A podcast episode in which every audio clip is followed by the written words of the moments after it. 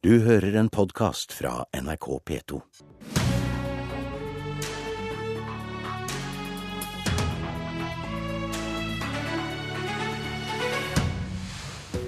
Trenger vi nye lover for å få mer åpenhet i PR-bransjen? Arbeiderpartiets Martin Kolberg møter Høyres Michael Tetzschner. Og Senterpartiet vil ha nasjonalt forbud mot tigging. Partiet bør ta mer hensyn til de sårbare og svake blant oss, mener KrF.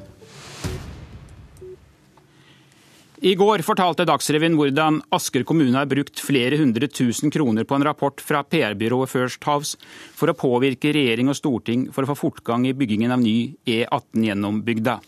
Leder i Stortingets kontrollkomité, Martin Kolberg, hvor problematisk er det at tidligere statsråder og statssekretærer fra Arbeiderpartiet forsøker å påvirke demokratiske beslutningsprosesser på denne måten? Ja, jeg får si først at jeg ikke på noe sett og vis er for noe form for yrkesforbud. Og jeg mener heller ikke at vi på noe sett og vis skal forby uh, denne bransjen, for å si det slik. For den får fungere som man vil. Men det som er viktig, det er at politikken ivaretar sin egen integritet, og dermed sin egen autoritet. Og den har bare én vei å gå, og det er åpenhet og demokrati. Og det vi ser nå, ikke bare i Asker, men mange andre steder, det er at dette brer om seg på en slik måte at det er all mulig grunn til at også da lokalpolitikerne begynner å bli oppmerksom på den faren som lurer her. Og Det er selvfølgelig problematisk at også våre folk deltar i dette. Eh, jeg sa på Dagsrevyen i går, og gjentar det, at eh, det gjør på situasjonen på sett og vis enda verre. Fordi at eh, sosialdemokratiet som instrument i samfunnet er helt avhengig av at vi har åpenhet, og at demokratiet er det som bestemmer og har kraft. Pengene skal ikke bestemme politisk utvikling noe sted. Ikke i storting, ikke i regjering, ikke i kommunene. Og da må politikken ta seg sammen og slutte med dette. Men klarer den ikke det, så kan vi ikke forby dette, jeg understreker det. Men vi må fremme en lov som sier at gjør de det, så skal det være åpent, rapportene skal være synlige for alle, slik at alle kan håndtere dette i det offentlige demokratiske rommet. Michael Tetzschner, medlem for Høyre i kontrollkomiteen og med meg fra studio i Trondheim. Trenger vi nye regler for å få mer åpenhet rundt den virksomheten kommunikasjonsbyråene driver med? Nei, jeg kan ikke se det, fordi da får vi diskutere hva de reglene i så fall skal være. fordi her syns jeg Kolberg ikke er noe konkret. Eh, det man må huske på, er at eh, det er lov i et demokrati å anrette sine argumenter eh, og sitt kontaktarbeid akkurat som man vil. Og så er det noen som da ikke har store, faste staber, som f.eks. Fagforbundene og andre mektige organisasjoner i samfunnet som har egne samfunnsavdelinger som ikke gjør annet enn å drive lobbying. Og så er det noen som da av og til eh, er i kontakt med forvaltningen og politikerne, og så føler de den forbindelse at de gjerne vil ha litt eh, råd og veiledning. Og det, det er jo ikke noe galt i seg selv. Det brukes jo ikke ufine metoder. Det er jo ikke det som er på, på bordet her. Da får man eventuelt angripe de metodene som, som brukes. Nå, nå, må jeg også legge til at eh, med mitt kjennskap til ganske tungrodd og stø forvaltning i Norge, og eh, politikere som, uh, som, tross alt hører argumenter herfra og derfra, de, de, lar seg ikke fullstendig blåse over ende fordi det, det kommer noen og, og banker men, på døren. Men Tetzschner, det jeg lurer på, kunne ikke bare dine partifeller i Asker ha tatt en telefon til deg og andre politikere og fått eh, de svarene, istedenfor å gå veien om et kommunikasjonsbyrå og bruke flere hundre tusen av skattebetalernes penger? Ja, nå er det jo slik at vi har lokalt selvstyre, så hvis uh, Asker kommune syns at dette er uh, en god måte å bruke penger på, så, så, ligger det også i respekten for det lokale selvstyret at det, det er en beslutning som må tas lokalt. Så de har vel ikke gjort annet enn å legge til rette for en argumentasjon som, som er i samsvar med det kommunestyret eller formannskapet i, i Asker kommune ønsker å få frem overfor sentrale myndigheter. Men, men jeg må også legge til at det er jo ikke alltid når disse eh, byråene selger seg inn, at, at de eh, er påpasselige med å si hva de eh, bidrar med, og hva de ikke kan bidra med. Og det å flytte makt, det er noe av det de minst kan bidra med. Kolberg? Ja, altså, Tetzschner sa nå at jeg var lite presis eller lite konkret. Det syns jeg ikke er grunnlag for å mene. Jeg eh, presiserer og gjentar at det er åpenbart at Tetzschner og jeg er enige om at dette kan ikke forbys som virksomhet, og det har jeg aldri ment. Det jeg har ment, det er at vi må sørge for at ikke pengene tar styringen i demokratiet. At de som kan bruke penger, skaffer seg innflytelse på en måte som ikke er synlig for andre. Og der har vi et felles problem om du tilhører Høyre eller Arbeiderpartiet, som Tetzschner og jeg henholdsvis gjør. Der har vi et felles problem, og det er det jeg ønsker å angripe. Og Det finnes også Arbeiderpartikommuner som har kjøpt disse tjenestene. så Nå er det Asker kommune vi snakker om her som et eksempel, men det er bare et eksempel. Og Jeg snakker om dette helt prinsipielt. Og jeg mener at politikken først og fremst selv kan ta seg sammen og slutte med dette. For det er ikke nødvendig å drive med det. Det er den mest effektive måten. Men går ikke det, så må vi ha en, en lovbestemt som sier at dette skal du ikke kunne drive med uten at det er offentlig og åpent. Og det er det som er mitt anliggende. Tetzschner, ser du ingen demokratiske problemer ved den virksomheten som eh, PR-byråene driver med for å flytte makt fra folkevalgte? Nei, nå har jeg litt erfaring fra kommunenivået, og det er ikke mulig å ha hemmelige fakturaer i en, i en kommune. Så alle som vil uh, skaffe seg innsyn i pengebruken i en kommune for å kontrollere om man syns pengene brukes fornuftig, enten er det til, til, det ene eller det andre, vil kunne få det. Og pressen er jo også veldig flink til å, til å be om uh, Eh, kopi av, av fakturaer. Så eh, den åpenheten har vi jo eh, langt på vei.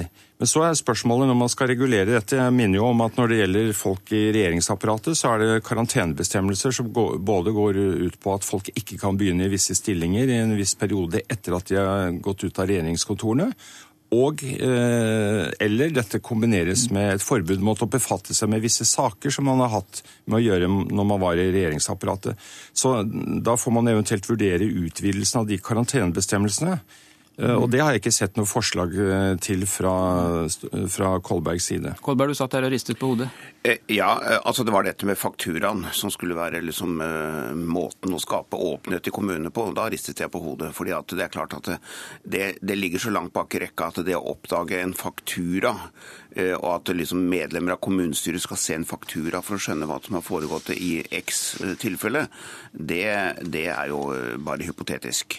Det det handler om, er jo rett og slett at vi må vite, hele kommunestyret må vite, at man har bestilt rapport, man må få tilgang på rapporten, og man kunne diskutere rapportens konklusjoner og operative eh, forslag på en åpen og ærlig måte. Det er det det handler om og politikkens integritet må ivaretas. Det vil tjene oss vårt alle, og det vil tjene innbyggerne framfor alt. Takk skal dere ha, Martin Kolberg og Michael Tetzschner.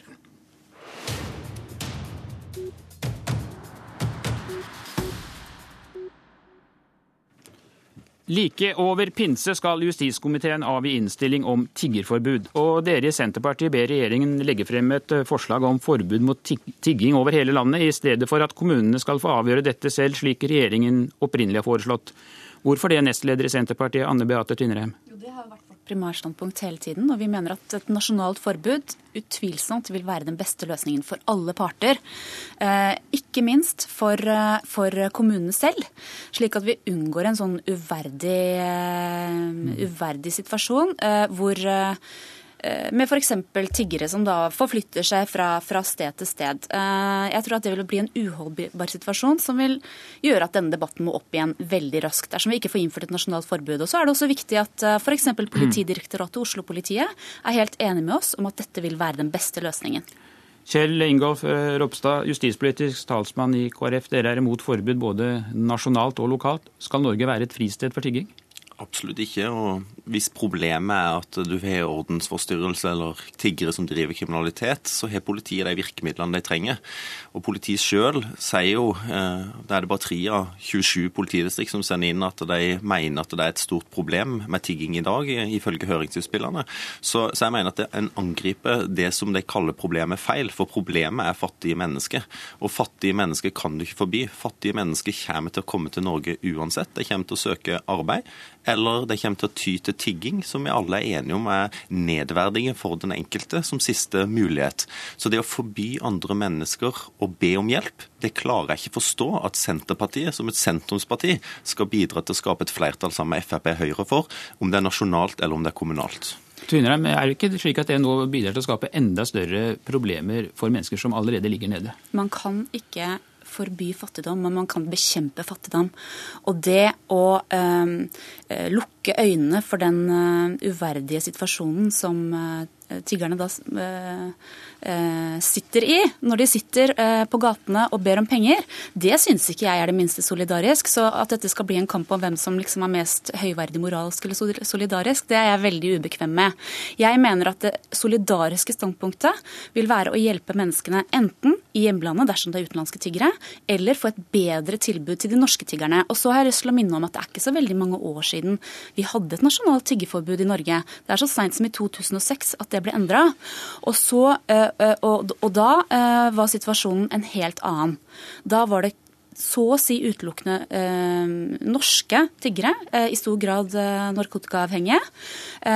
Og så eh, er situasjonen i dag helt annerledes. Og det var en samla justiskomité som i fjor sa at ja, situasjonen i dag er en helt annen enn i 2006, og det er helt relevant at vi nå ser på dette om igjen. Ropstad. Men en samla justiskomité sa så seint som i 2005, når den nye straffeloven ble innført, at den sovende paragrafen som hadde forbudt tygging da, den skulle oppheves.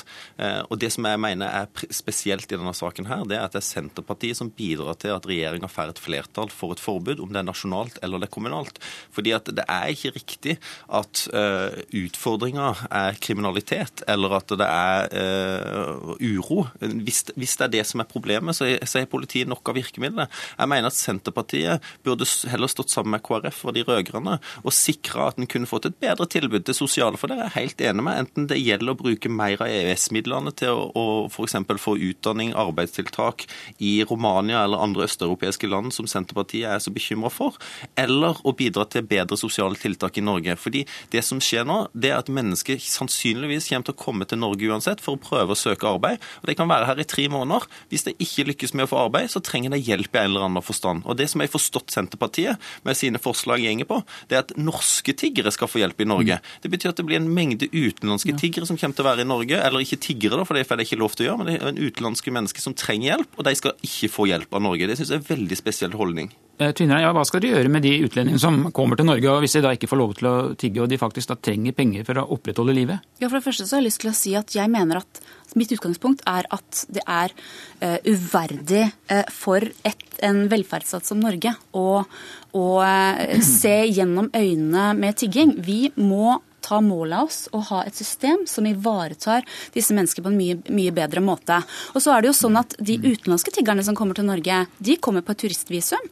Da, det, da ligger det eh, som et premiss at de skal være i stand til å, å ivareta seg selv og kunne fø seg selv mens de er i Norge. Eh, og Derfor mener vi at eh, å, å skulle å, å skulle eh, bekjempe fattigdom i EØS-land gjennom å ha Eh, legge til rette for tigging i Norge, det, det, er lite hensiktsmessig. Og så må vi jo ta inn over oss at det også er et element av eh, kriminalitetsbekjempelse i dette. Og når da Oslo-politi og Oslo-politiet og Politidirektoratet er så entydige ja. på at nasjonalt forbud er, er eh, nødvendig, så syns jeg vi også må ta det inn over oss. Ja, men Vi er alle enige om at tigging ikke er det rette. Tigging vil aldri være en varig vei ut av fattigdom. Så at vi skal hjelpe mennesker til alle andre alternativer, er helt enig men dilemmaet er jo at menneskene er her, og de kommer til å komme her. De fleste søker lykken fordi at det er fattige land. Altså Forskjellen fra 2005 og nå er jo at det er flere land som er blitt med i EU, og dermed har fri tilgang til Norge og kan være her i tre måneder. Hvis ikke de klarer å få arbeid, noe som er lite sannsynlig, så kommer de til å måtte gjøre noe for å få penger. Enten så skal han bare sitte og se på det, eller så skal han prøve å hjelpe dem.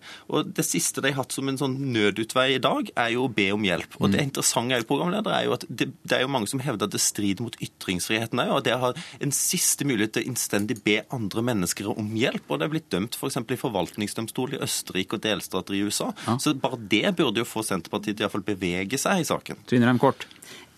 Det, den problematikken er grundig behandla i mange andre land, og det er mange land som har denne debatten. og Sist i England så har man tatt en vurdering på, på ytringsfrihetsperspektivet, og, og, det var også oppe i høringen som har vært, så det er vi veldig komfortable med.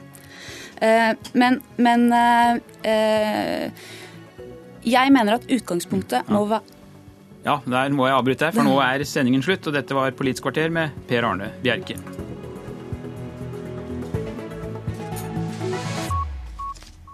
Du har hørt en podkast fra NRK P2.